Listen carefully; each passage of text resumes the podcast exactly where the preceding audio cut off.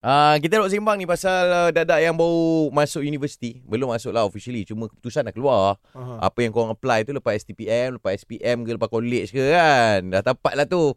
Mana yang kau minta, mana yang kau dapat kan. Tapi persoalan kami adalah, nanti dah grad nanti, apa yang kau expect yang gaji first? Ah, Ha, kan? Okey, kita ada Din. Dia jadi saya mewakili adik saya yang dah dapat dah benda ni. Oh, Oh, eh, dah, dah dapat peluang ni. Alhamdulillah. Oh, Alhamdulillah. Ni baik Din. Okey. Ha okey. ah. Dia dah dia dapat uh, lanjutkan pelajaran untuk uh, sains komputer. Okay. Oh, ini programmer ni, programmer. Sains komputer eh. Yes. Yes, Ah. memang. So, bila dia dah dapat saya dah happy lah apa semua. Ha. Lepas tu bila time kita nak pergi register semua dia cakap, "Bang, uh, rasanya uh, relax dulu lah dia cakap. Dah kenapa? Eh? Dia cakap, uh, saya dia, dia tengah buat job rider sekarang kan. Oh. Okay. Jadi dia buat jual rider Lepas tu dia cakap Abang okay, Kalau aku belajar tu Aku dapat berapa Lebih kurang gaji So saya bagi tahu lah Lebih kurang uh, 3K Eh bang Kerja aku sekarang Aku dapat 5K bang Apa yang lah. kau cakap kat dia lepas tu? Ha, apa nasihat kau? ha? Apa yang kau cakap kat dia? saya, saya, saya nasihat sini lah okay. Beza dia Kerja yang kau akan dapat Akan datang Kau punch card pagi petang Dah balik dah bro Hmm. eh? Hmm. Yang ni kau sampai tengah malam baru Kau boleh dapat 5K eh? Hmm. Eh. Okey. Itu betul. Oh. Lepas tu benda ni bila kau dapat kerja yang lebih kukuh, lebih baik. Lepas kau macam kau ada macam cuti tahunan, kau lepas tu kau ada banyak benefit lain. Bagi tahu lah Hmm. semua. Lepas tu dia cakap cakap cakap dia cakap. Alah itu pemikiran orang tua bang. Budak sekarang tak fikir macam tu. Dia cakap macam tu. Ui. Aduh. Hmm. Kalau Ha, dia ha, ada ha, perancangan lepas dia jadi rider dia nak buat apa okey. Hmm. Maksud aku apa tau? ha. Hmm.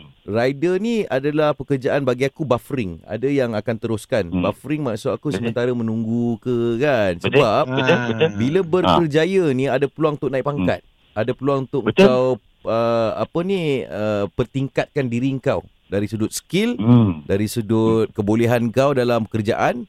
Hmm. Kan. Jadi Ya, untuk ni senang cerita untuk Ah. long term kau sen- bagus lah senang Ah, lah. itulah. Tapi bu- bukan aku Hmm. merendahkan uh, job rider ni Bukan tidak. rider pun bagus. Bukan, bukan. betul. Kita faham, kita Oh. Ah, faham. ah, ah. Betul. Faham, rider tu Hmm. bagus juga Hmm. tapi Hmm. dalam riders tu kalau kau belajar pun nanti kalau dah ada cuti sem kau nak ada rider balik jadilah Hmm. Ah, kan. Pun boleh. Pun Eh, boleh. tak ada masalah.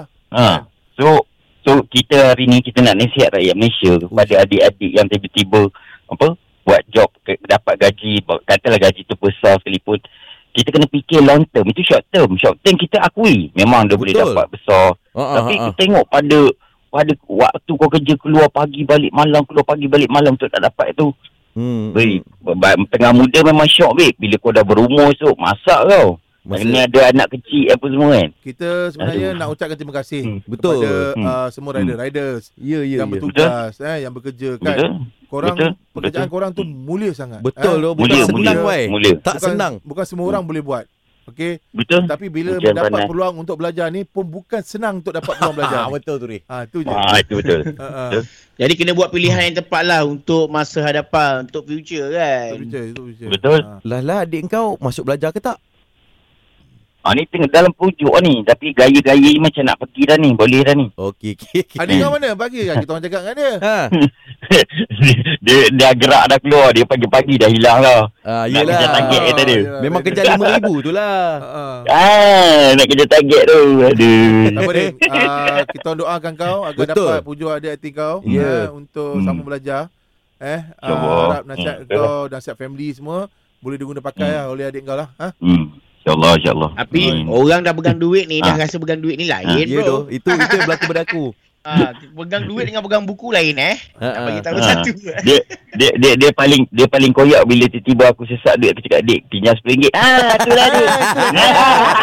Bijak kejadian tu. aku kena sekolah balik ni dengan dia.